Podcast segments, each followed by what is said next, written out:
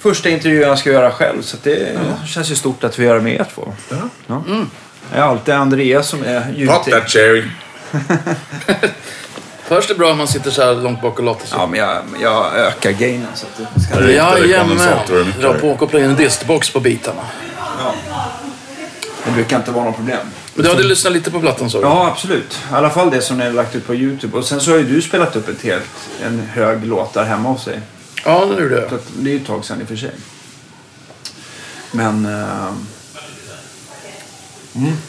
Ja, det var ju kul att Micke kunde det. Behöver Ja. inte jag prata så mycket. Jo. Det- Du kan ju allt om gitarrer. Ja, grejer. Jag vet ju knappt vad strängarna heter. Det vet du. Du, kan ju, du är en duktig gitarrreparatör, visste du det? är det så? Micke Ja, fixar ju sadlar, byter sadlar på akustiska. Han jobbar ju på Guitar People förut va? Ja, det, när det hette Guitar Village. Just det, på, på Reinstjärnasgatan. Ja. ja. Det, det ska jag inte säga. Jag kan säga att jag gjorde Hos Mats Silving. hos Mats Silving. Ja. Jag gjorde en... eh, Det här är nästan knappt att jag vågar säga till dig, men eh, jag kommer ihåg att jag fick in en sån här typ 50-tals Telecaster en gång. Okej. Och den funkade inte. Nej. Och ehm, det skulle dras om eh, elen i den. Ja. Då åkte, gick jag ner till vanlig, eh, vad heter det, typ hardware. Köpte typ vanliga vita billigaste kablarna. Ja. Slet ut alla originalkablar. Ja. Ledde ihop den. ja.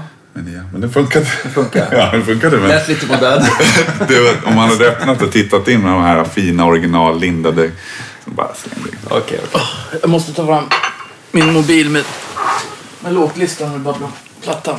Absolut. Så enk- enklare än att sitta just då hette den där nu. Jag kan inte heller vad låtarna heter. Man får sitta och Jag kan ta tänka. fram uh, Wikipedia har den. Jag ser till några Jag köpte lite vinyl på vägen hit. Är du? Vadå? Serier och sånt. Bara metal faktiskt. Men, oh. Vad, vad, The Mysteries på nypress. Jag har alltid väl haft den. Vem är den största samlaren av er? Micke definitivt. Okej. Alltså jag har ju jag har ju samlat alltid. Kulle började köpa på sig vinyl igen för några år sedan. Okej. Ja, jag hade ju min gamla samling. Men du har ju jobbat... Så- Så- Som Micke skrattade åt lite grann. Ja, alltså en delvis av den vart ju pajad i en läcka. Så att, eh, det var ju mycket som var... Men, eh, jo men den, den var ju ganska blygsam. Sån där bunt kanske. Nu är det en vägg i vilket fall nästan. Ja, jag har sett den. Imponerande. Tusen plattor kanske i Ja. fall. Vi går ut och shoppar lite jag och Kulle. Skivor. Är det så? Då brukar du egentligen oftast köpa... Fast jag brukar ju sticka på den. Den här ska du ha. Har du, har du hört? Ja, precis. På den? Ja, det är, ro- det är roligt. Brukar det vara bra då när, när han eh, trycker på dig saker där? Ja, men Micke har ju såna koll på obskyra proggband som man kanske inte alltid har hört talas om. Så Ah. Italiensk prog, P5 eller Museum Rosenbach eller ja, det finns ju. Och även den här bandet Renaissance Ja, ja. som du var lite influerade i- ihop med nya plattan. Skitbra band som jag inte hade en aning om. Så det är man ju rätt tacksam för. Massa coola grejer som liksom, man förmodligen inte hade sprungit på annars. Har ni något svenskt eh, proggband som ni liksom eh, håller extra högt så här? Ja. Det finns ju massor. Jag håller alla svenska proggar. Inte svensk, svensk progg eh, med två G. ja. Det Nej, är ju den politiska, alltså Röda bönor och sånger för... för Det är inte det vi pratar om. Nej. Nej. Eh, Nationalteatern. Nej, jag, jag tänker, då tänker jag, eller det vi pratar om, det jag tänker på så här November och mm. eh, Kebnekaise och sånt där. De här älskar ju. Ja. Älskar det. Tur, Turid kan jag sträcka mig till. Hon, hon var lite mer poet. Det var inte liksom eh, upp, upp, uppåt trälar. Hon var Okej. inte så himla vänster. 30-åriga VPK. kriget. Häftigt. Ja. Ja, 30-åriga kriget. Life. De har inte jag koll Asoka. på till exempel. Något som jag lyssnade på häromdagen som jag köpte, Vasa Express, men det är lite mer fusion rock. Ja. Jazzrock, men det jag. Var, var går gränsen någonstans när, när det går från prog till fusion rock så där, tänker jag? Jag tror Vad ska att man kalla Solar Plexus med Körberg och Ja. Axel och Dominic? Det är väl fusion? Det är fusion. Det är, det är duktiga jazzmusiker med elinstrument i princip. Joey Wadenius är Ja, med på okej. de plattorna också. Mhm. Det är jävligt bra. Men eh, det är svensk progg här, den, då, man tänk, jag tänker mest VPK. Alltså svensk, svenska proggscenen. De här som, de som hade lite mer eh, musikaliskt kapital. Mm. Ehm, då skulle jag säga progg med ett G. Prog metal. Typ Kebnekaise. Ja. Um, ja, Azuka, 30-åriga. Är, är, är, är det någon av de här svenska gamla proggarna som, som, som gitarrist som eh, har, har eh, eh, gjort några avtryck, avtryck hos er? Som Kenny Håkansson Kenny Håkansson. Jag Ja. tänker på uh, Rickard Rolf. Från, Ja, absolut. Ja, Rickard Rolf träffade jag faktiskt ja. när jag jobbade på han, är, gitarrbutiken. han är grym. Jag försöker få till ett avsnitt med honom. men Han är lite blyg av sig och väldigt Ja. förnäm och försiktig. Så. Men Han, kanske eh, byggde, han kan ju bygga gitarrer. Ja, ja. Han var uppe hos Nikola där på, Ja. vad den heter, där uppe på. Eh, Möbel, ja, just det. alltså Bolin, Ja. Bolins akademi där. För han är en riktig, han är en nörd av rang. Mm. Och extremt trevlig. Och bra gitarrist fortfarande, det lilla jag har hört han spela. Så. Ja, jag kommer ihåg att jag, jag skulle se November återförenades och Ja. spelade på en av Stefan Dimles båtar. Alltså. Okej. Och det, det var sån jävla sjögång då så att jag vart illamående och missade. Och sen dess har de inte spelat. Det är tråkigt. Ja. Shit, tråkigt. Nej men han är grym. Ja. Eh, och eh, ja, Jojje såklart. Hela Schaffers Schaffer. tidigare grejer är ju Ja. häftiga. ja. Det är ju fusion rock. Ja, absolut. Mm. Definitivt. Vad heter det här bandet? Machine någonting som han hade. Inte Soft Machine, för det är ju Alan Holdsworth. Men Ja, du nämnde det. jag, jag, jag till skickade ett klipp till dig som jag fick av Norum. Som är helt sjukt grymt lir. Gammalt med Schaffer. Han hade ju lite sån här svenska löd. Alltså Hörselmat het- hette hans band. Han turnerade typ på 80-talet. De släppte en platta som hette Hörselmat med bandet Svenska Löd AB. Okej. 71 eller något sånt där. Ja. Eh, Det är också någon sån här fusion. Klassiker. Så. Ja, jag vet inte. Den är otroligt limiterad den skivan. Det finns inte så många exemplar. Vad heter gitarristen som spelar med Vasa Express? Eh, ja, vad fan heter han den här Man, man krullen? kommer bara ihåg Åke Eriksson. Ja, precis. Dr. Åke. Ja, det är också. Bo, Bosse Hägglund på bas där. Men fan, Just det. vad heter han då? Det är extra pinsamt. Koste Apetri är också duktig gitarrist. Det- Alla tar fram sina Google-motorer. Men, men om man återgår till Opeth som band så... För du var ju med och startade 90. Är det, eller är det Jag var inte med och startade faktiskt. Nej, okej. Men jag kom med 90. Du kom med 90. När, Ja.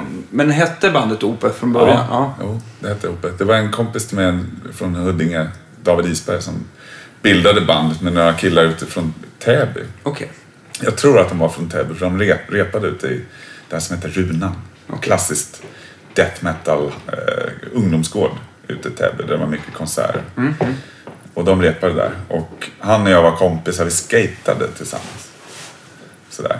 Och ehm, han var lite av en mentor. Han spelade upp här band som jag aldrig hört Jag gillade fotboll, Deep Purple och Scorpions. Och så spelade han upp massa konstiga death metal-band för mig som jag hade aldrig hört talas om. Typ Necrophagia och sånt där. Eh, och vi, han tyckte jag var rätt duktig tror jag, på gitarr. Och det var jag kanske i jämförelse med hans band som han hade då. Eh, och frågade om jag ville börja spela bas med Opeth. Okej, okej. Så du började som basist? Ja, jag hann inte. Du hann inte? Nej, för att jag kom dit till ett rep till Täby. Ja. Och då hade han inte sagt till de andra killarna i bandet att jag skulle komma Ja. dit, inklusive basisten. Eh, och alla de var där och bara kollade på mig. Fan, vem, är, vem är han? Och jag, Dålig stämning? Ja, det var riktigt dålig stämning. Så jag fick vänta utanför. Och sen kom David Isberg ut efter ett tag och bara, äh, men nu har jag sparkat dem så nu, är- nu är det du och jag som är ihop. Och sen eh, ja, så satte vi ihop en liten, ett band efter ett tag. Ja. Ehm, som mest var mina, mitt gamla band Eruption. Trummisen från, från där. Och ehm, David och sedermera, vem fan var det som? Ja, det var lite folk som kom och gick där. Men Vad sen var- hoppade Isberg året efter. Okej. Men Eruption, vad var det för inriktning på det? Alltså vi körde improviserad grindcore bland annat.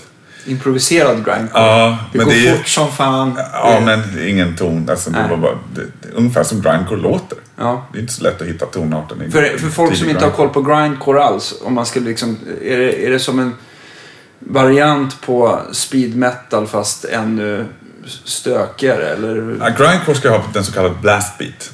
Okej. Alltså den trummorna spelar i princip så snabbt du kan. Ja. Och på gitarren så ska du spela komp då. Okej. Så snabbt du kan.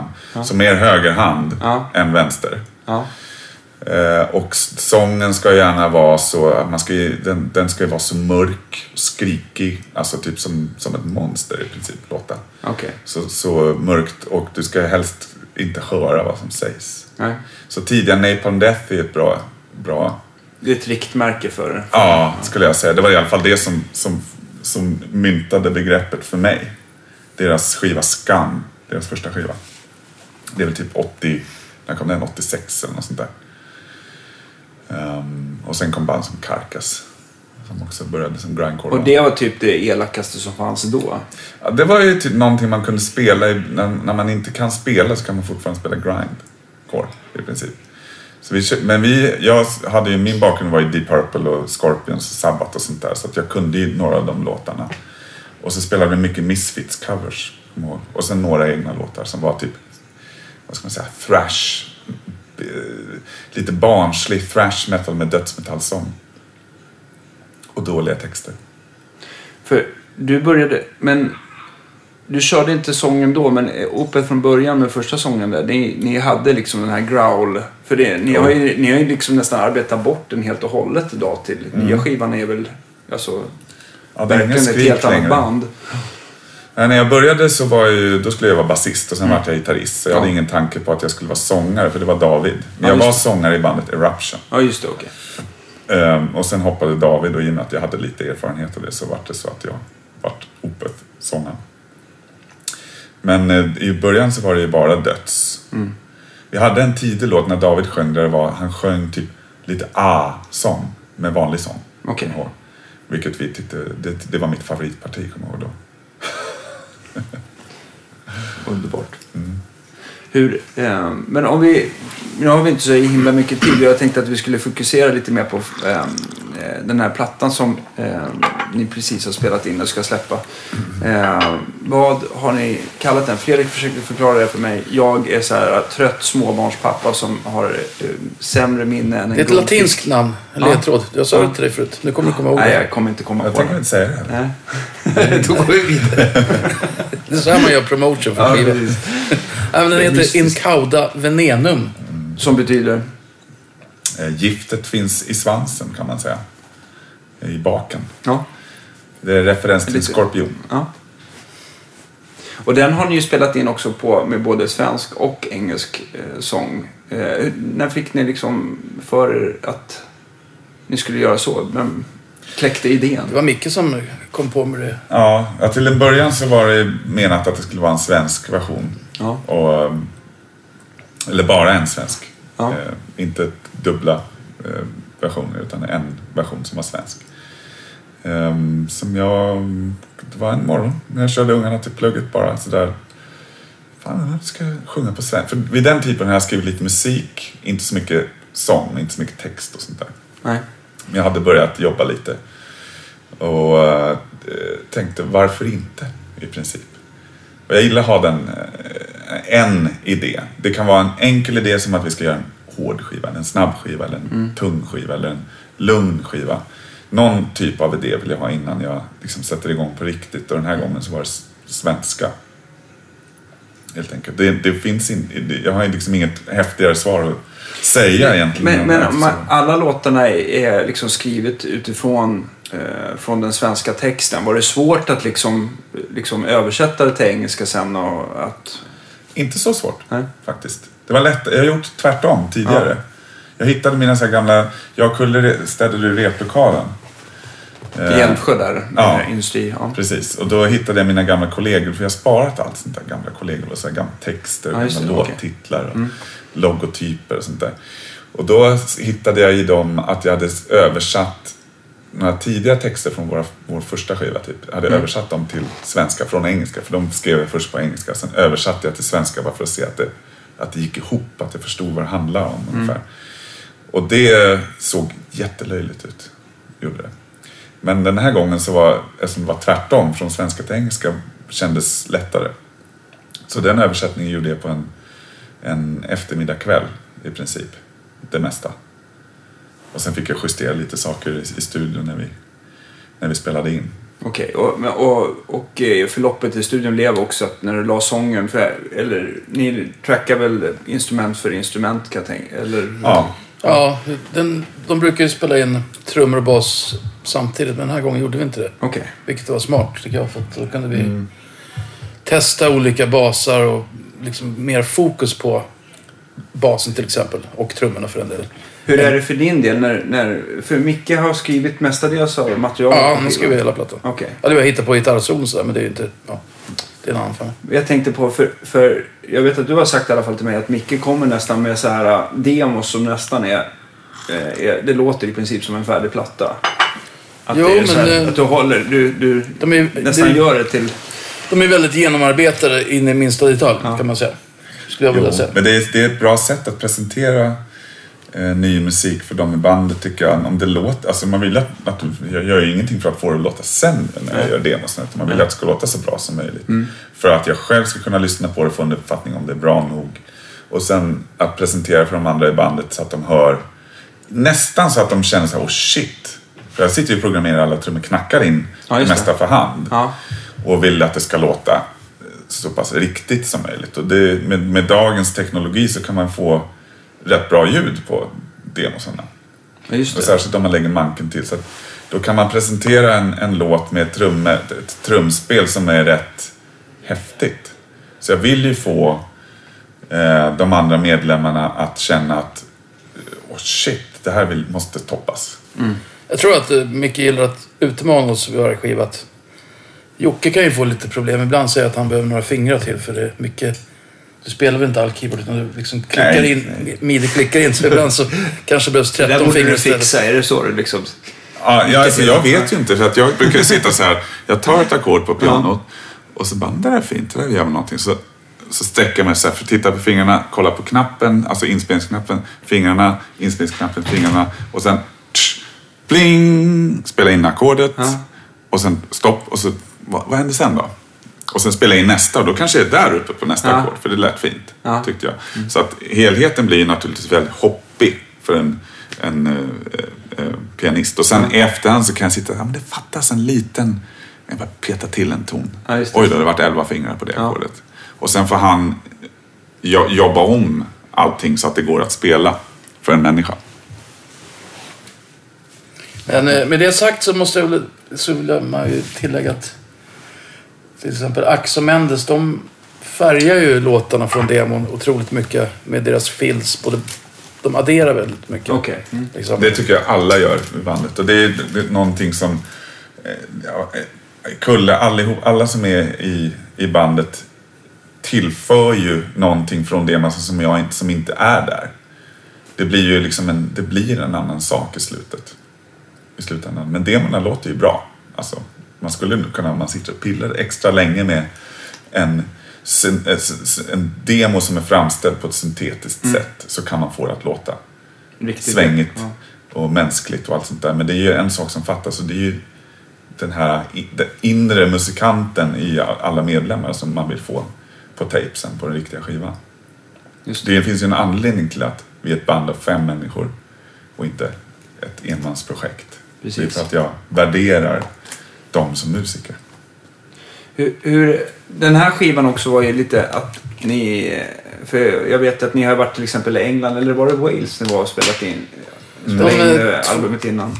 Plattan innan hette Sorcerers, där var vi i Rockfield i Wales. Och Ja, just det. plattan Gam- och det innan var- dess hette Pale Communion som vi också gjorde. Så vi har varit där de två Det är gammal senaste- klassisk mark där bland annat. Ja, den har ju funnits sedan 67 tror jag. Men Black jag vet att Black Sabbath ja. repade där inför den första plattan. Sen har ju ja, Judas Priest spelade in eh, Sin Efter Sin där tror jag. Och Queen, Bohemian Rhapsody och Rush.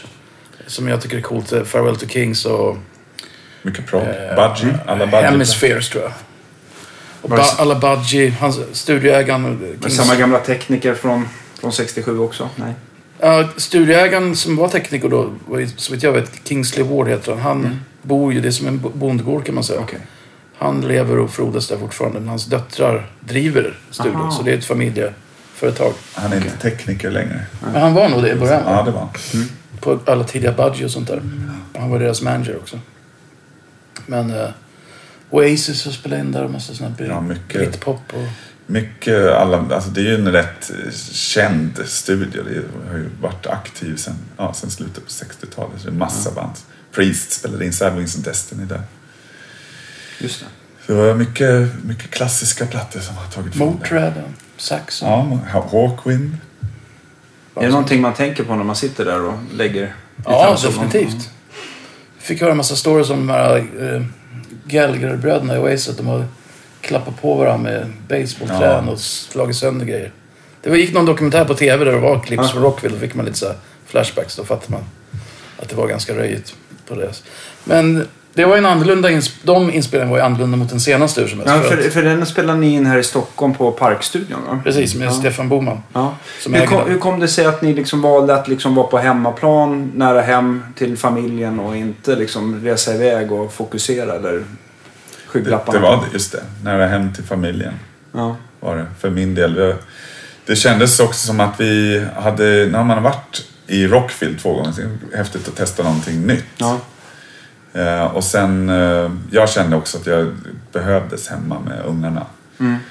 Eh, och sådär. Så det här studion hade jag nästan glömt bort Park. Så jag har passerat den mycket. Min mamma bodde där i Örby ja. förut. Så jag har alltid sett den där. Så här, fan, ja, okej, det är Kent, Kents studio liksom. Jag har känt att den har liksom varit lite out of reach. Den var väl driven av Mats Lindfors också förr i tiden. Har rätt Den har dålig funnits sedan 70-talet. Ja. Ja.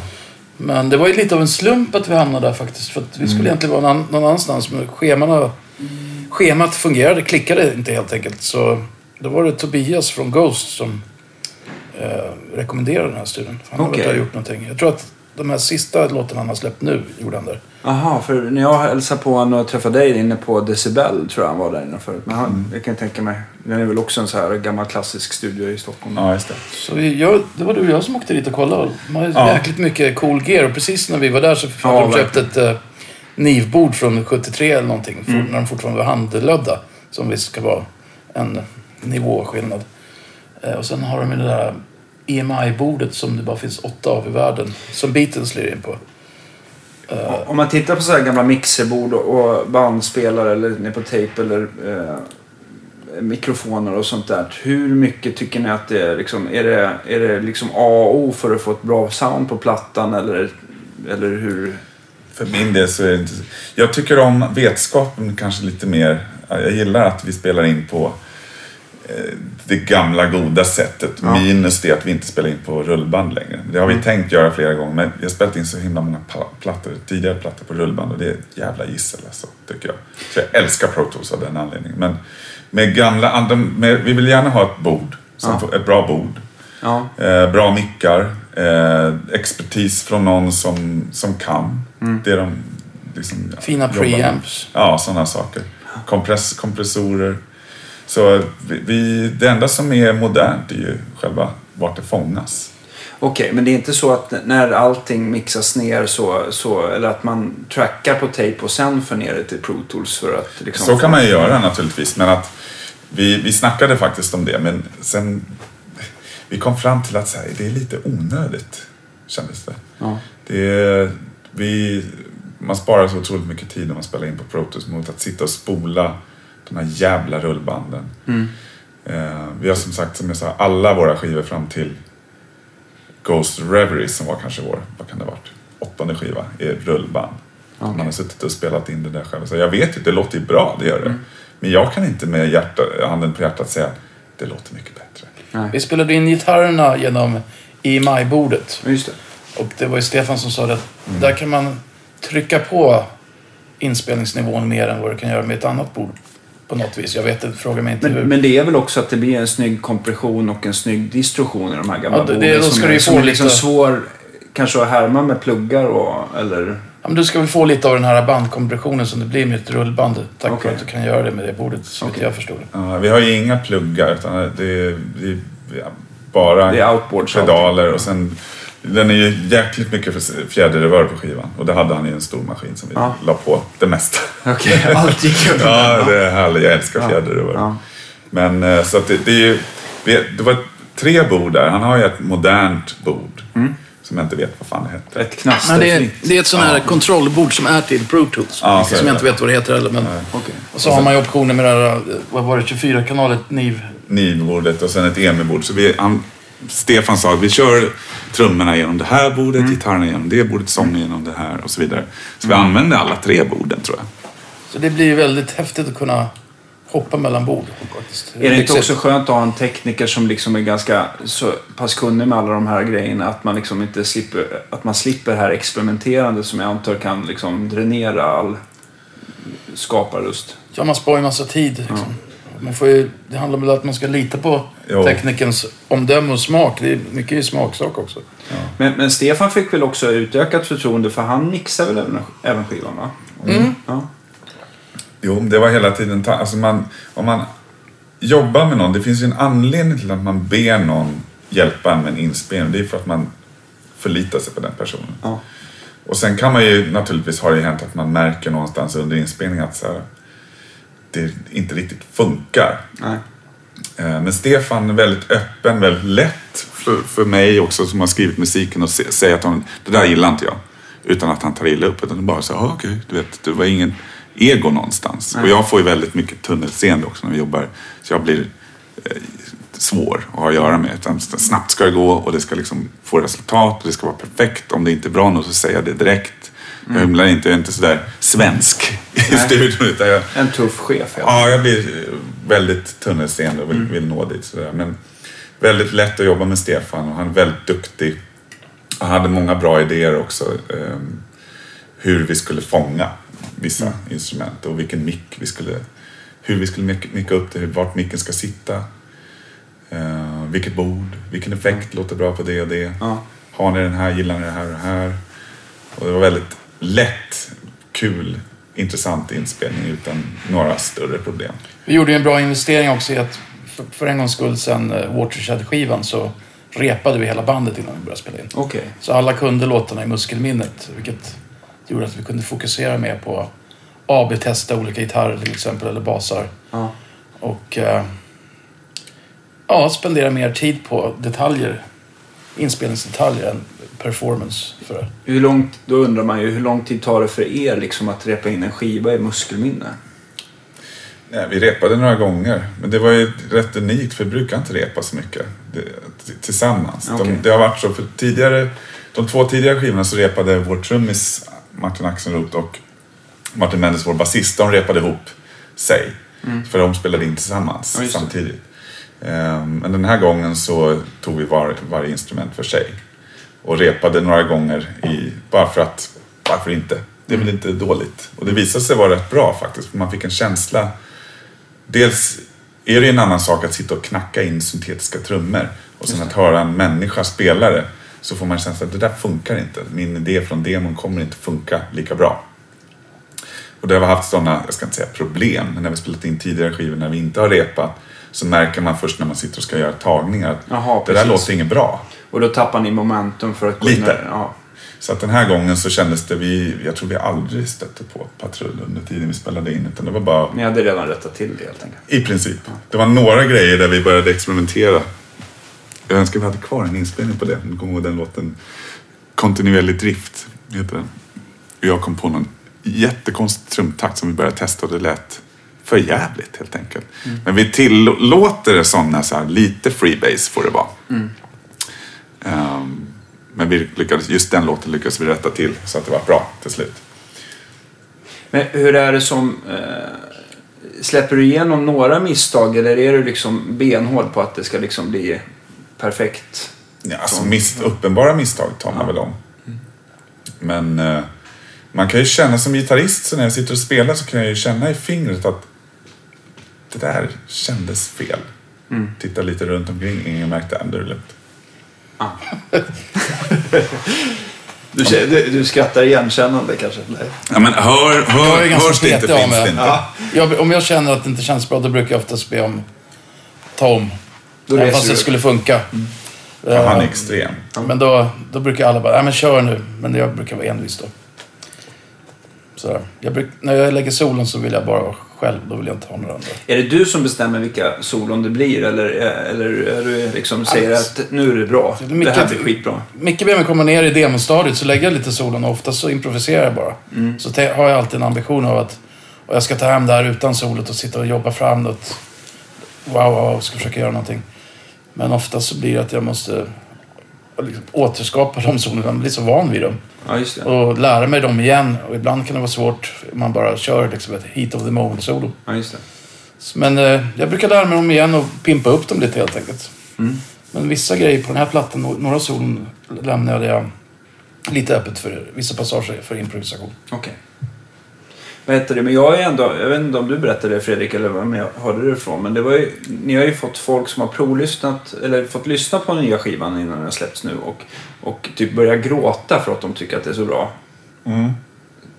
Har det hänt förut eller är det... Eh, jag har varit med på så himla många sådana där lyssningssessioner. Men vi hade en för nya skivan i Tyskland. Ja. Och det var, det var ju eh, rätt magiskt faktiskt, måste Ja. jag säga. Då, eh, det började spöregna tio minuter innan vi, vi slog igång skivan. Ja. Så det smattrade lite på taket där vi, i den lokalen där vi satt. Ja. Och det slutade regna i med sista tonen hade klingat ut. Så det regnade under hela uppspelningen. Vilket var sådär, sånt, jag gillar sånt. Man blir sådär, mm, det där är ett tecken. Eh, men då var det folk som, för jag gjorde lite intervjuer sen direkt efter uppspelningen. Och jag satt med ryggen mot folk så jag satt inte och tittade hur Nej. folk reagerade. Men det var, eh, det var två, tre stycken journalister som sa att de, de grät. Eller fick klump i halsen, tårar. Ja. ja. Det är kul. Men jag kan inte komma ihåg att det har hänt förut. Grymt. Och folk beskriver det här som eran liksom mästerverk. Känner ni så själva eller? Att det här är den bästa plattan som ni har? Jag vet inte. Det är jättesvårt att säga. Den måste liksom landa någonstans. Ja. Och man går inte runt heller och pratar om sina egna saker som mästerverk. Riktigt. Det är mycket lättare för mig att ge komplimanger till någon av de andra musikerna i bandet än att sitta och klappa mig själv på ryggen och säga att det Ja, här, jag det här fick till. Men naturligtvis tycker jag att det är bra. Annars Ja. hade det inte... Men det, det, det känns i alla fall väldigt lovande kan man väl säga med folks och Jo, så, så här långt så är det ju, är det ju bra. Men jag, vi har inte riktigt... Jag kan inte minnas att vi har haft eh, dåliga reaktioner från musikjournalister.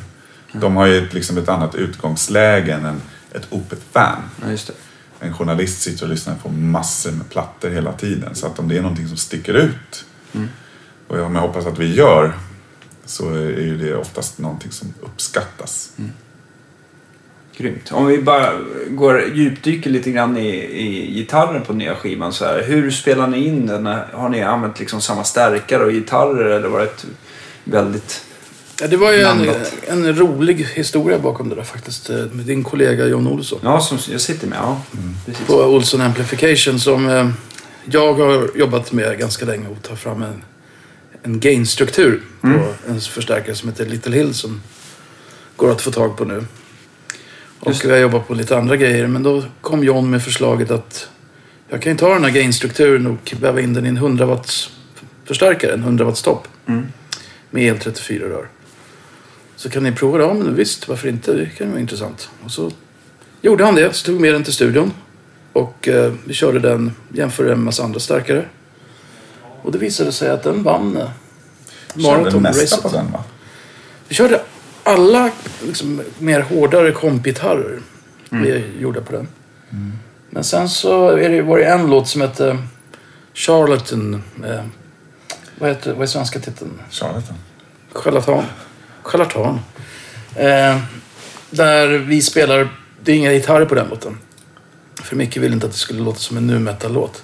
Okej. Så vi spelar, eh, jag och Micke spelar så att säga leadbas, eller tenorbas kanske man kan säga. Martin Mendes spelar den vanliga basen så att säga och sen så lägger vi en left-right extremt distad bas som spelar en del i övre register och hoppar fram och tillbaka.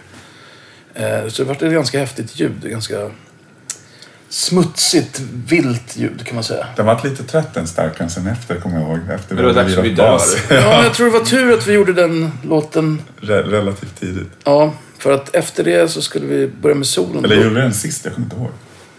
Jag antar det, för vi stötte aldrig på något problem när vi skulle lägga komp, vet jag. Nej. Men när vi däremot skulle börja med solon så lät det inte, hade någonting hänt med den här toppen.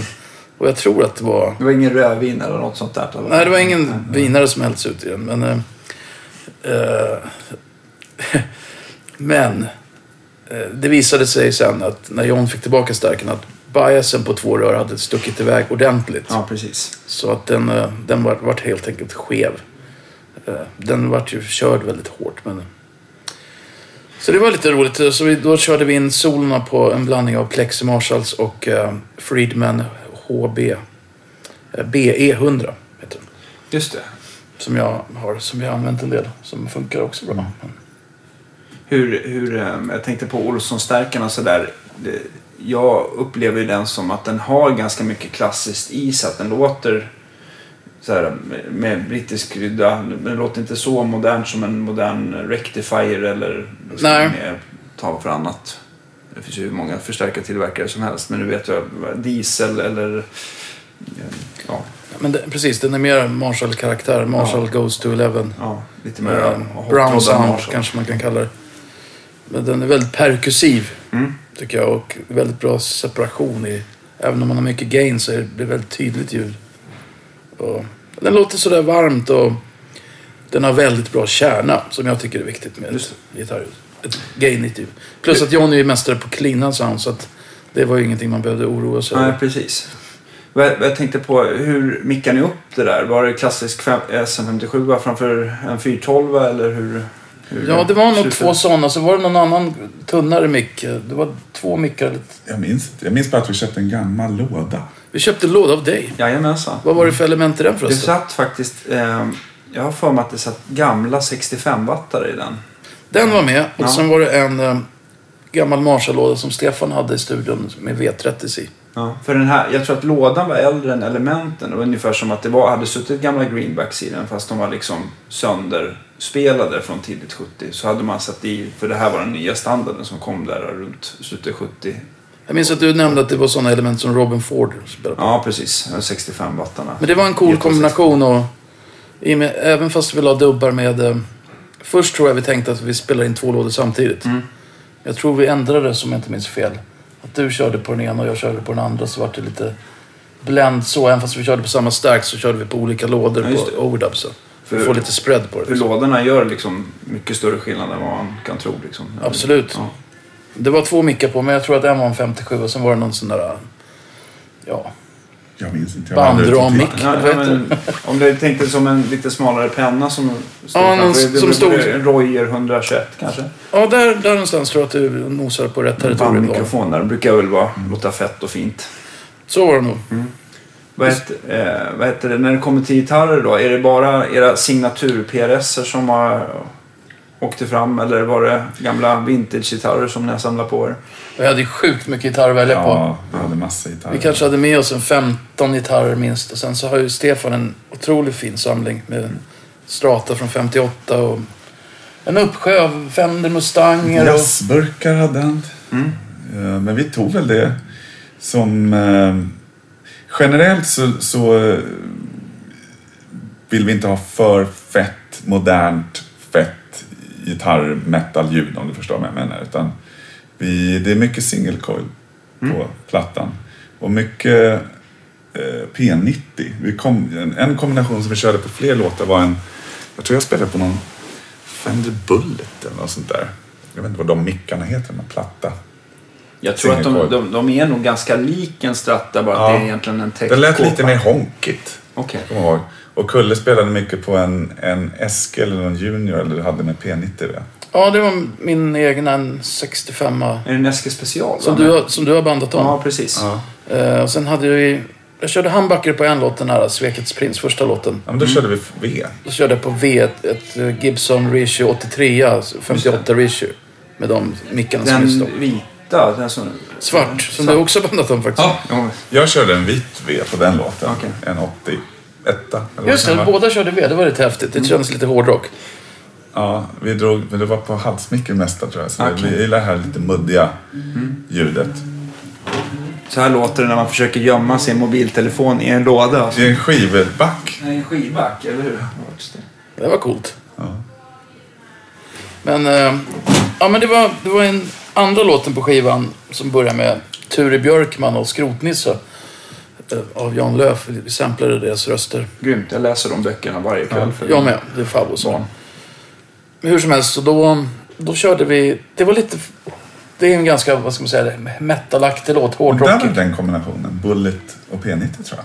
Ja, det, det var så lustigt för vi körde på den här Mustang. Jag körde på en Fender Mustang Jaha. med, vad är det för mickar? De här vita platta. Det är någon single coil av något slag. Eh, ja, precis. Och det visade sig att um, det ljudet var riktigt brutalt. Det var så mycket sträng och eh, punch och perkussivt på en gång. Som trängde igenom just på den låten väldigt bra. Det känns som att ni börjar komma över till den ljusa sidan av kraften nu. Nej, men det där, det där, nej, tvärtom. Det där låter ännu mer ondskefullt än en mättad hamburgare. Okej, okej. Så jag har varit på den mörka sidan hela tiden utan att känna Ja. Det är inte jättemycket humbuckers på skivan. Nej. Det är det inte. Men det är, P90 kan man ju misstas ibland som en, en humbucker, eller man ska säga. Den har ju lite av en fyllighet i alla fall. Ja, som- precis. som Den är inte helt, den är inte helt eh, så långt ifrån. Nej. Så vi kombinerade ofta en singelkoll med en, en P90. Mm. Och sen på några, sen, ja, lite om det var något parti eller beroende på vad vi, vad vi ville ha för, för låten så kollade vi runt. Så ska vi testa den gitarren? Så testade vi, ah, det är lite för fett eller den här är lite, är lite för tunt och så vidare.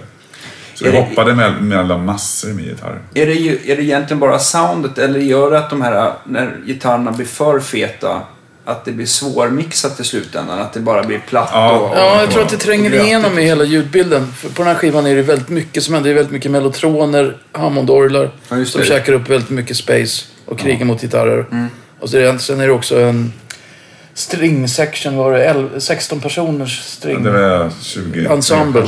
hade. 23 personer Ja. som spelades in. Och på vissa partier så är det ju otroligt fett. Och målet var ju att göra en väldigt episk skiva. Ja, det är mycket som händer och det, det måste... Det är ju dels en preferens. Jag har ju länge gillat vanligt fett, modernt ljud men jag var jättetrött på det efter ett tag. Ja. Det här kliniska, jag gillar inte det. Jag gillar heller inte när man inte hör någon människa bakom gitarren.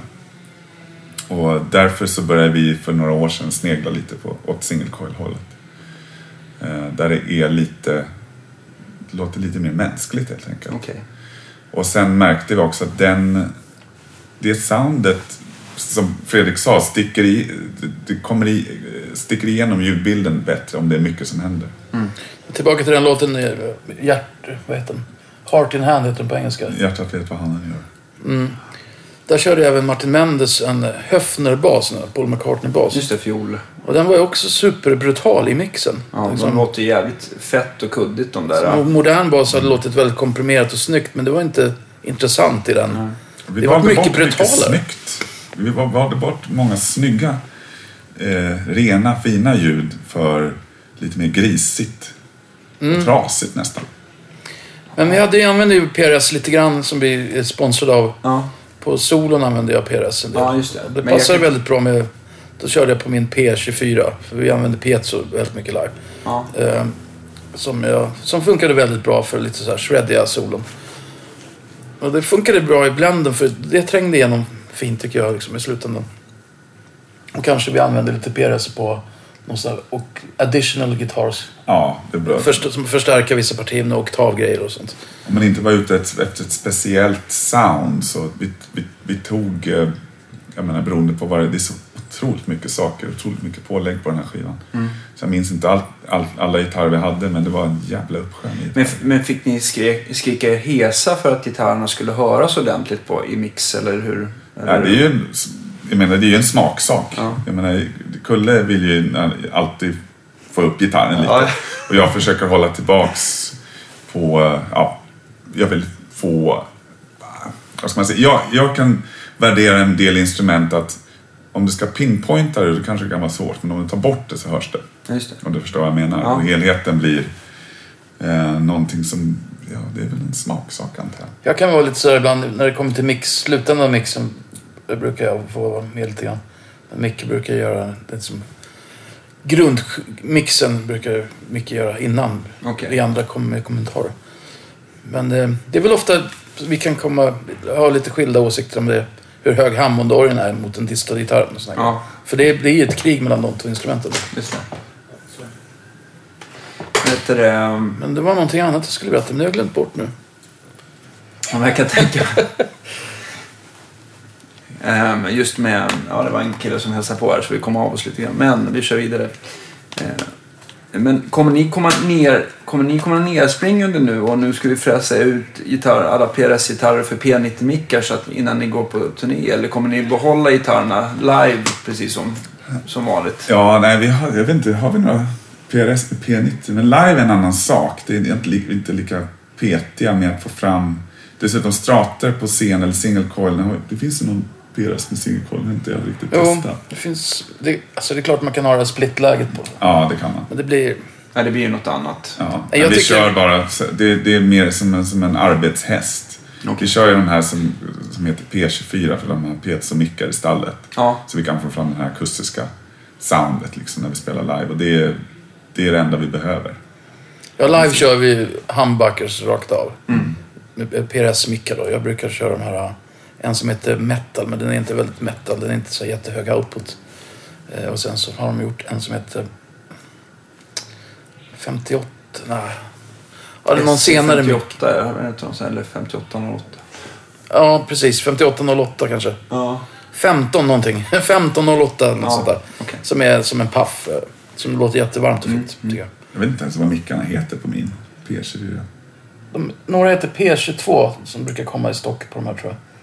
De är så här lite matta. Och, Mm.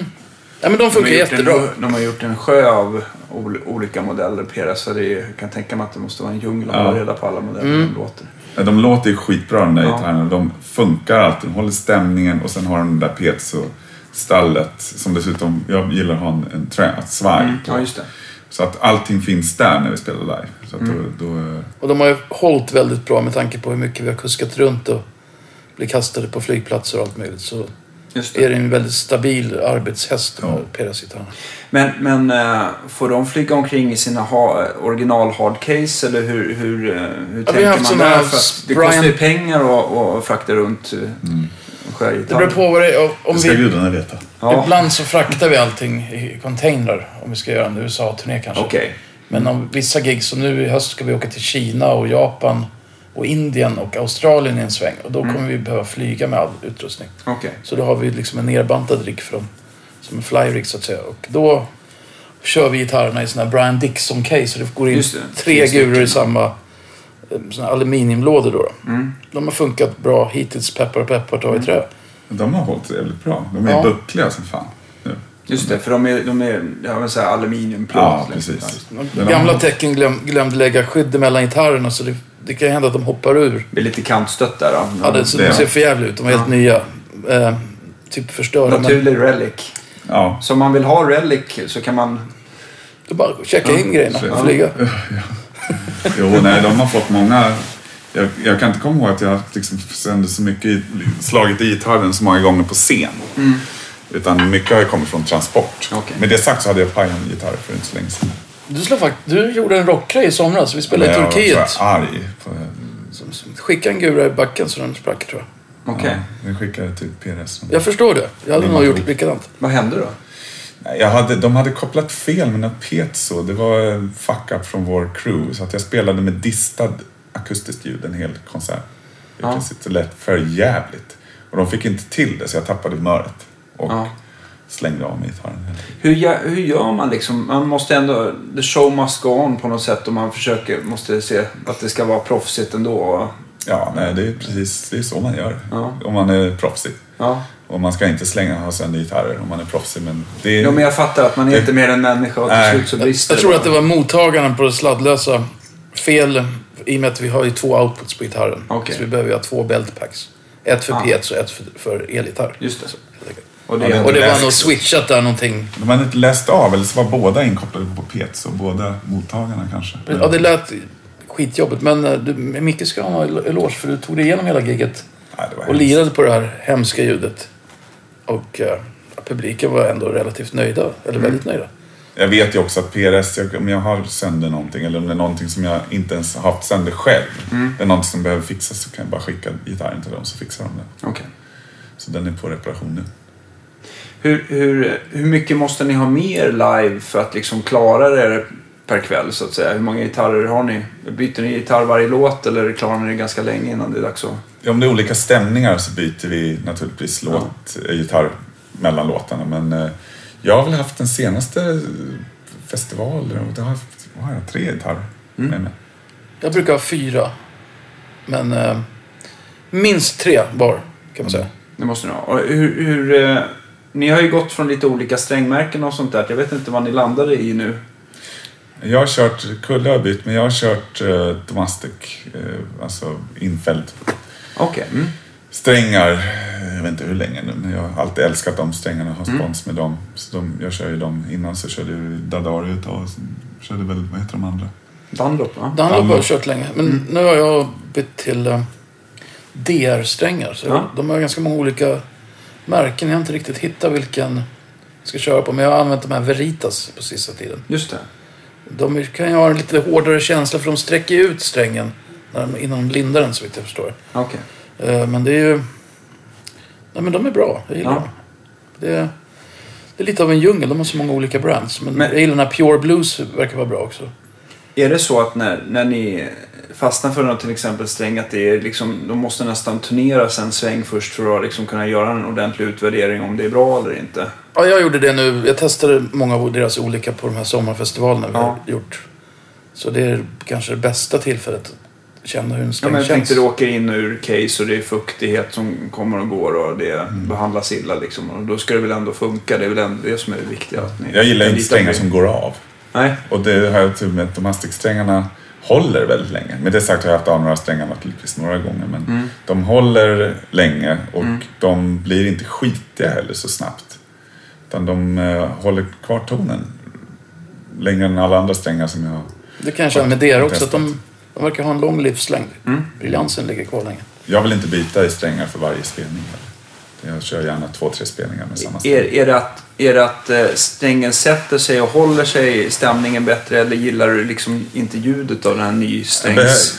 det, det, lite miljötänkt ja, nej, jag, jag, har ing, det, jag tycker att det är lite pärleförsvinn faktiskt att för mig att byta strängar hela tiden. Jag, jag har, inga, har inga problem med dem. Så Nej, okej. Får de sitta, sitta på tills de låter dåligt eller går av. Jag gillar också lite gamla strängar. Det är det. Okej. Jag måste spela in dem ett tag. Mm. Men um, ja, min huvudgitarr. Jag svettas mycket mer än vad Micke gör. Mm. Så, bara forsa svett, bara titta på en gitarr. Men ehm, den brukar jag byta för varje gig faktiskt. Men Okej. de andra byter jag inte så ofta på, som jag kanske spelar två låtar på bara.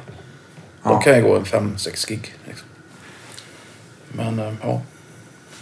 Hur, hur är det med effekter och sånt där på scen? Har ni, har ni liksom eh, stora rymdfärger som pedalbord framför er eller hur, är ni ganska sparsmakade? Eller? Vi har ändrat en del nu. Alltså vi har ju våra main-riggar som vi har kört i Marshall JVM. Mm. Joe Satriani-modellen som har inbyggd gate. Så har vi kört det med switching-system med Voodoo, Voodoo Labs switching-system. GS, Och det är väl, det är väl Göran som har byggt ihop Och Göran systemet? Elmqvist på Sound of Science byggt upp min rigg och även kollat på Mickes. Vår gamla tech byggde Mickes rigg. Ja. Men det är med analog, loopar med analoga boxar i. Ja. Och eh, även Axe Effects, den här eh, 2XL för retureffekter som reverb och eko som man behövde några speciella effekter. Men även pedalekos. Ja. Och sen så Dunlops rack wowa på det. Och så vidare. Massa saker där i. Okej. Det är de här huvudstora riggarna som vi har kört. Men nu på sista tiden har vi börjat jobba med det här märket Synergy. Just det, de som gör liksom nästan loungebox-aktiga, att man kan byta som kassetter. Ja, det är moduler så att säga. Så de har ju en, ja. en eh, Syn 2 heter den. Ja, just det. Där du kan få plats med två moduler och så har de ett steg. Så du får in en riktig rörtopp med fyra kanaler. Så du kan ju Ja. switcha då om du vill ha en Plexi eller en Soldano. Nu kör vi båda en Friedman Dirty Shirley för rent och crunch-ljud. Mm. Och sen så kör vi Soldano för hårdrockskomp och lead-ljud. Mm. Och så är det ett steg till med fyra 6 rör så du får ut 100 watt. Mm. Eller 50 stereo. Just det. Eh, vardera kanal. Eh, Den här le- lelleboxen för piezo. ja, den behöver vi inte nu. Nej, okej. Faktiskt. jag vet inte det. Ja, men hur som helst, för att göra en lång historia kort så har jag, kör jag med ett analogpedalbord och det här. Ja. Så jag har ett sånt här Decibel 11 switching system som Elmqvist har satt ihop på Sound of Silence.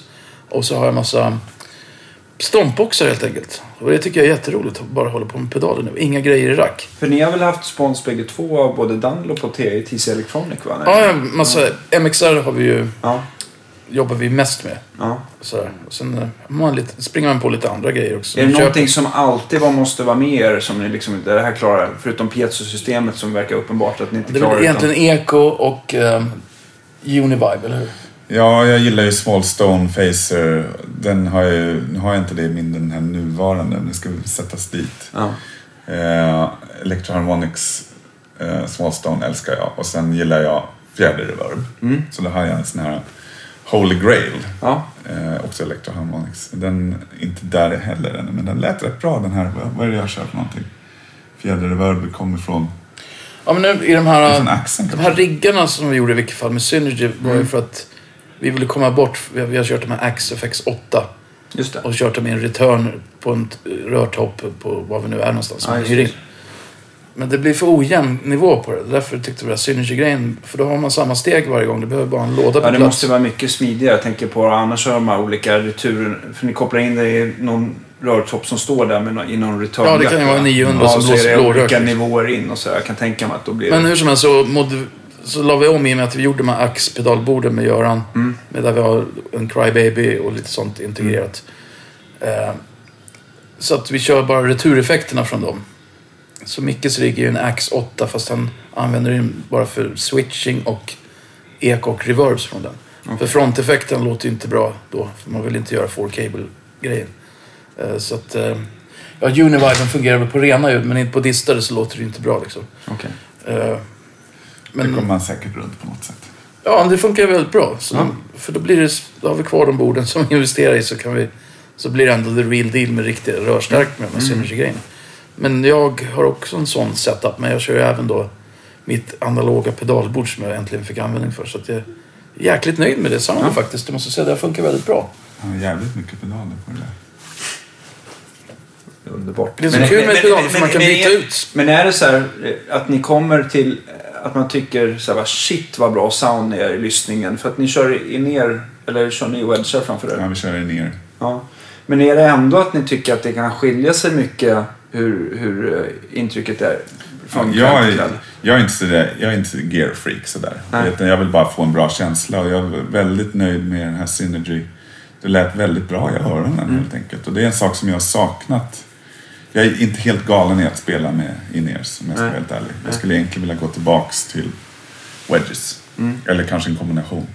Men, eh, och även alla de här riggarna som vi haft tidigare har ju det är lite så här från kväll till kväll kan det låta bra, ibland kan det låta för jävligt helt enkelt. Okej. Men den här Synergy har låtit riktigt bra i öronen. Jag vet inte varför det är så. Nej, men det har varit mycket jämnare resultat i... För min smak har det varit det. Och jag har kört sån här, vad heter den där, heter den Box of Doom? Ja, de använder vi... De, våran front of house-kille Olle Sandqvist gillar dem väldigt mycket. Ja, Så att de är isolerade ett element. Jag kör Ja, just det. Det är som att man har en, en högtalare som är helt inkapslad i en Ja. låda. Ja, så har han två mickar i den som Ja. han kör. det gillade han för det är ju lätt, lättare för honom att mixa och höja gitarrer och sånt där. Ja. Man kan göra det. Men det var, man fick en väldigt, iso, man känns lite isolerad. Som Det en blir bubbla stumt som fan. i, i, i öronen. Så jag var inte helt galen i att spela med det. Men det lät ju bra utåt. Ja. Men när vi switchade till Masynergy sa ju han också på utljudet jämfört med JVM-marshallarna Ja, att då fick han addera botten på utljudet men nu måste han skära botten. okej. Det handlar ju om hur du ställer in ljudet men bara själva grundljudet har mycket mer omf. Men kör ni, är det också att ni har någon form, eh, form av högtalarimpuls, högtalarimpulser istället för att ni mickar upp? Eller? hur? Nej, vi mickar upp det fortfarande. Okej, Vi skulle Och kunna med- ha impulser men vi mickar. Okej. Men eftersom ni är steget mer så tar ni någon befintlig högtalare på plats oftast? Ja, precis. Ja. Det brukar oftast vara Marshall V30. Liksom. Kan Jag vet inte varför jag sa liksom. Men det bara Liksom, kommer ja, men det, Liksom. det, det måste väl vara kanske världens vanligaste backline-högtalare. Så det kanske... Ja, ja, men det känns ju mer som en grej som... De överraskningarna kan man hantera jämfört med olika rörtoppar som vi har, vi har varit med om när vi åkte till Australien. Att eh, ett gig nästan blev förstört för att den här hyrbacklinen som vi har haft ja, bara liksom kapsejsat. Mm. Och Jag det har är, testat tre, tre toppar. Så jag har fått köra in en fjärde topp för att sen, de tre innan funkar inte liksom. det är därför jag har lagt ner så otroligt mycket jobb på det här. För att den där känslan att stå där med brallorna nere är ju vidrig rent ut sagt. Mm. Shit. Hur, hur, om vi tittar lite på eh, framtiden här då med... Nu släpper ni nya skivan. Är det liksom turné direkt nu? Vi börjar i slutet på oktober. Ja. Ja, en Europa-turné i slutet på oktober När kommer ni till Stockholm? nästa år. Nästa år? Eh, Spelar andra på- veckan i januari tror jag. Ja. Cirkus. Cirkus. Cirkus. Det är slutsålt säkert redan. Eller? Det vet jag inte. Det tror jag inte. Jag har ingen aning. Det finns nog några biljetter kvar. Ja, måste jag komma... Jag och Andreas komma och supporta. Ja, det ska bli kul. Se, Ja. Jag gillar cirkus. Det är ett mysigt Ja, mysigt ställe. Mm, fantastiskt. Det, så vi håller på att försöka tänka ut vilka låtar vi ska spela. Vi har inte riktigt bestämt oss. Jag hoppas ni spelar i alla fall en gammal låt, den här Sorceress, som är en favorit. Men, Den den vill säkert spela. ja. Vi ska gå igenom. Vi har, inte, vi har så mycket skivor nu. Ja. Hur många svårt. skivor är det i ordningen? 13. 13. Ja. Mycket att välja mellan. Eh, hur, är det några fler Sverige-datum satt? Förutom Cirkus? Nej, bara cirkus. Okej. Det kanske blir något till, men vi vet inte. Nej, vi kollar. Alltså, Sverige är rätt kämpigt tycker jag att spela. Vi har gjort några Sve- Sverige-turnéer. Jag vet inte, det känns inte riktigt värt det faktiskt. Okej. Utan vi fokuserar på Stockholm och Elvis Göteborg. Okej, men hur är eh, sommaren då? Har ni, har ni varit då, någon, när ni åkt omkring? Har det varit mest utomlands? Har det varit några mer Sverigefestivaler? Ja, vi spelade på Borgholm brinner, den här Mm, eh, In Flames. In Flames festival nu i Ja. somras. Så vi gjorde ett, en konsert i Sverige i vilket fall. Mm. Så, men eh, Europaturnén, den slutade vi faktiskt i Köpenhamn på Kungliga Teatern. Så det ska bli kul att spela där. Mm.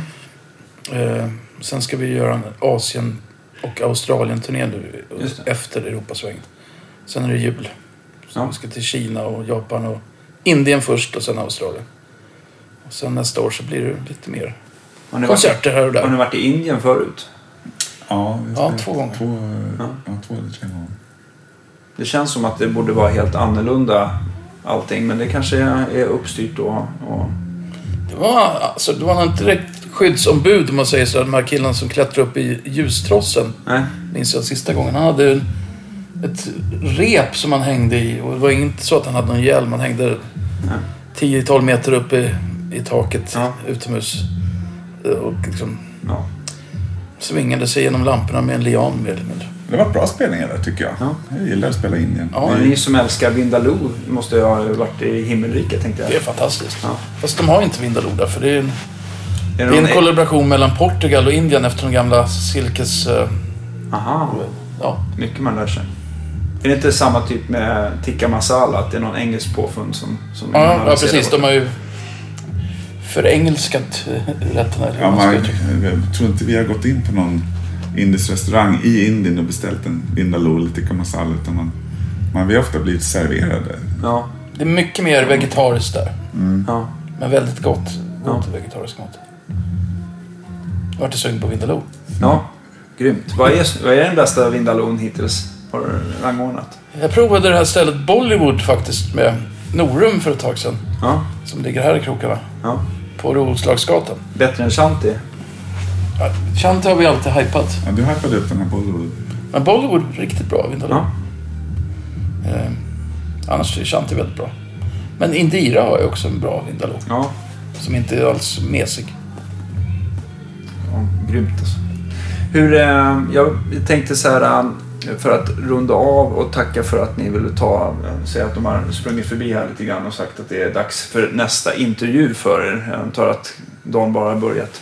Men eh, tacka för att ni har varit med här.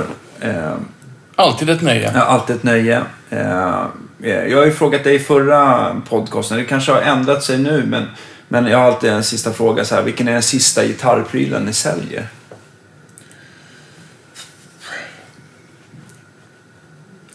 Bra fråga. Jag säljer inte så mycket grejer överhuvudtaget. Jag har kvar så här gamla skitleksaksgitarrer. Um, Din första kanske?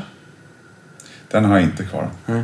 För det, på den tiden så var det om man skulle köpa en ny gitarr, var jag tvungen att sälja den innan. Aha, okej. Men... ehm, ja, jag vet inte. Jag, har, jag är väldigt nöjd med en nylonsträngad gitarr som jag kom med, en Ramirez 1A, Ah. som inte använts så himla mycket när vi spelat in. Men mm. Jag älskar den gitarren. Den kommer jag aldrig göra mig av med. Det är den sista gitarren du säljer? Ja, ja jag tror det. Och du kanske har någon 60-talsgitarr som, som du har i kär. Ja, kanske det. Ja, det skulle vara, jag har en annan favorit som jag, jag fick köpa från Christian Eppenström från bandet Plankton. Ja, Fantastisk gitarrist. Jag fick köpa En Strata kanske? En Strata från 71. ja. Eh, som eh, var, har varit svart, men den är lacken borttagen. Den som Så Arne Arvidsson har bandat om. Som är, den är helt magisk skön att spela. Just det, och så vägde den typ ingenting heller. Nej, den, den, är, den låter jättebra.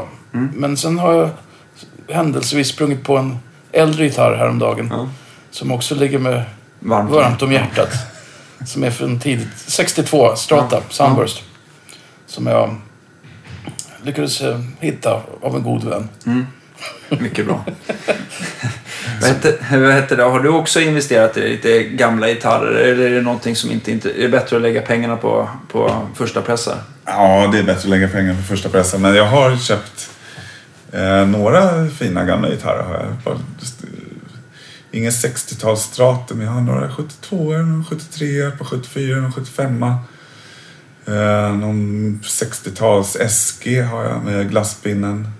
Men finns det någon gitarr? Alltså, jag spelar inte på Les Paul, men jag tycker fortfarande en svart Les Paul Custom med tre humbuckers eller en Goldtop med P90 kanske är det snyggaste som någonsin har gjorts. Är det någonting du känner likadant? Ja, alltså jag skulle gärna ha några sådana där, vad heter de, Black Beauties, eh, såna här som kunde ha ett par stycken. Det kanske är faktiskt det där gitarren jag skulle sälja sist. Min Black Beauty som jag köpte Just det. 93 på Alkans.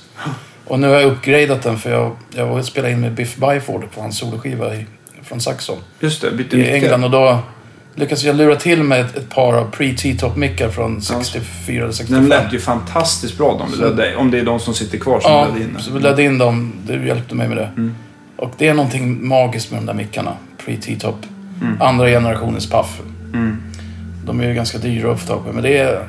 Jag fick verkligen erfara det när jag spelade in den plattan och jämförde med eh, en modernare sån här burstbucker eller Mm. någonting. Man hörde detaljerna i det här. Det är fantastiskt. Men inför nästa platta, kommer ni använda den tekniken som du hade med Biff Byford då? Nej, Nej? det kommer jag absolut inte göra. jag kom var- från eh, den ena inspelningen till den andra och det var ju Ja. tur att man åt lugnande tabletter, höll jag på att säga. Ja, för det var ju nästan så att det tog en halv dag bara för att sätta ett klick va? Ja, nej, men det var all heder till honom, men eh, han är tysk och inte så bra på engelska. Så det vart väldigt mycket... Och live-tekniker, vilket inte Han, är- han är en jätteduktig live-tekniker, men han hade aldrig gjort liksom en inspelning förut. Han hade inte den psykologin eller kunskapen. Så det kunde ta en halvtimme att sätta en cue på en takt. Ja, Nästan, nu överdrev jag lite. ja. Men det var ju däremot väldigt mycket roliga scenarier med, Ja. med han leadsångaren som stod och skällde på honom med mikrofonen med eko. Och sa diverse ord som kanske inte lämpar sig här. Nej. Det var faktiskt roligt. ja, det känns inte som att det passar ditt arbetssätt i alla fall. Micke. Nej, jag, jag blir galen. Ja. Snabbt. Som du, vet, du nämnde ju det tidigare, du kan ju bli rätt otålig om, det- om det inte workflowet, om det inte flödar. Liksom. Ja. Det kan jag också känna. Men eh, när du folk- hade blivit galen om du hade varit Ja, jo, jag blir galen. När folk sitter och funderar för mycket så blir jag... Nej, nu får du sätta igång. Blir ni, gla- blir ni galna på, på, på crew på turné så här eller? Det händer att man blir galen. Ja, som sagt, jag hade ju sen en gitarr där. Då, ja, det förstår jag. då Men, fick ju den ansvariga en liten avhyvling. men är, det oftast, är det oftast på scen du blir arg eller är det även liksom vid sidan av att man jag brukar liksom... inte visa sånt eh, så ofta. Nej. Om jag blir arg på scen. Men det kan hända och då sitter det i. För jag, jag har ju jättelång stubin. Ja, Men eh, när jag blir arg så är liksom lugn, lugn-stubinen lika lång. Så att jag är arg länge. ja. Och jag glömmer inte heller som en jävla Okej. elefant. Mm. Utan eh, om det är någon som om jag har känt mig förorättad av någon då sitter det kvar för alltid kanske. Men sen kan man lugna sig. Okej. Ehm, Du har lång stubin, men när den brinner ut så Ja, då är det- brinner den ut. då blir jag arg som fan. Ja, men nej, i, i- i regel så försöker jag hålla, hålla sådana här schismer till efter sentiden. Ja. Grymt. Vi avslutar där. Nu har de knackat på dörren här många gånger. Men, tack så hemskt mycket för att... tack själv. Så, Tack får själv. Vi, så får vi eh, tala mer nästa skivsläpp helt enkelt. Ja, Ja, nya äventyr. ja eller hur? Ha det så bra. Samma. Vi hörs nästa Samma. vecka. Hej då.